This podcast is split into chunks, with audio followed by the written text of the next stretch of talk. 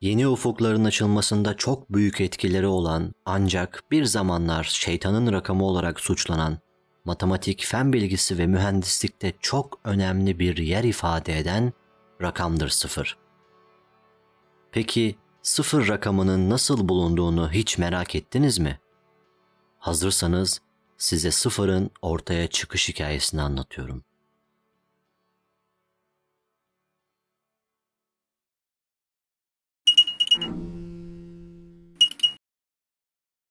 Sıfır eski çağlardan beri var olmuştur. Babil tabletlerinde ve Maya yazılarında karşımıza çıkan sıfır, o zamanlar mevsimlerin akışı ile ilgili hesaplarda kullanılmıştır. Fakat sıfırın tüm matematiksel kapasitesiyle normal bir sayı olarak kabul edilmesi yaklaşık 2000 yıl aldı ve bu da Hindistan'da gerçekleşti. Hiçbir şeyin bir şey olduğu fikrinin onların kültüründe zaten köklü bir yeri vardı. Örneğin nirvana bir hiçlik halidir. Tüm endişe ve arzularınızdan arınmışsınızdır. Öyleyse hiçliği ifade eden bir sembol neden olmasın? İşte bu soruya bir sembol buldular ve buna şunya adı verildi.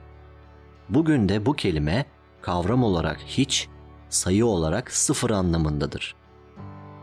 Bugün kullandığımız diğer bütün sayılar şekil olarak tarih boyunca büyük değişim geçirmiş, sıfır ise her zaman içi boş bir yuvarlak olarak kalmıştır. Gökbilimci Rahmagupta, sıfırın 7. yüzyılda Hindistan'da yükselişini sağlayan kişi olmuştur. Matematikte şunya sadece herhangi bir basamakta hiçbir şey olmadığını göstermek için kullanılmaz, hesaplarda da onu diğer sayılar gibi kullanabilirsiniz. Onu toplar, çıkarır, çarpabilirsiniz. Bölmesi biraz sorunludur ama işlemler için kesin mantıksal kuralları belirlemiştir. Rahmagupta uzaysal büyüklüklerdeki sayıları sıfırla bölme cesareti göstermiş ve herhangi bir sayının sıfırla bölünmesinin sonucu sonsuzdur diyebilmiştir. Böylelikle Hindistan'ın cebir dünyasına hediye ettiği bu kurala ulaşılmış, sayı kavramının diğer genellemeleri için de yolun önü açılmış, doğa bilimleri ve teknik matematiksel temele oturmuştur. Bunun tek istisnası kesin bir sonuç olmayan sıfırın sıfıra bölünmesiydi. Güney Asya'da kendine yer edinen sıfır oradan Orta Doğu'ya geçti. Tarih yaprakları 773 yılını gösterdiğinde Kanka adında Hintli bir astronom elinde bazı kitaplarla Halife El Mansur'un sarayına geldi.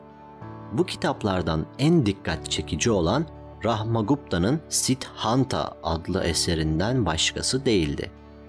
Sinhit adıyla Arapçaya çevrilen bu eser daha sonrası Harezmi tarafından yeniden hazırlandı ve daha sonra Batı dünyasına yayıldı.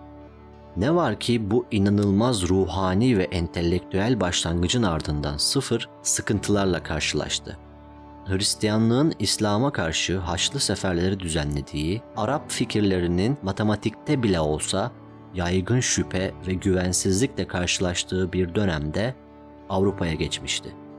1299'da Floransa'da diğer bütün Arap rakamlarıyla birlikte sıfırda yasaklandı. Buna gerekçe ise sıfırın kolayca 9'a dönüşmesiydi.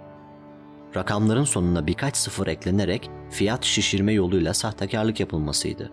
Üstelik negatif sayılara geçit olduğu için sıfır tehlikeli görülüyordu. Negatif sayılar borç alıp verme olgusunu meşrulaştırıyordu. Sonunda sıfırın diğer bütün Arap rakamlarıyla birlikte kabul görmesi 15. yüzyılı buldu. O zamanlar İngiltere'deki Oxford Üniversitesi yüzyıllardır eğitim veren bir kurumdu ve matbaa yeni kurulmuştu. Bu olaylar sıfırın matematikte bir fikir olarak gelişmesine yardımcı oldu ve bugün kullandığımız birçok bilimsel ve teknolojik yönteme de kaynaklık etti.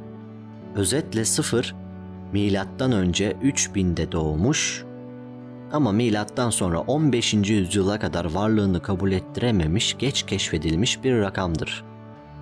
O halde bu içi boş ama güçlü yuvarlığa tarihte ve günümüzde hak ettiği değeri geç de olsa vermek gerekir.''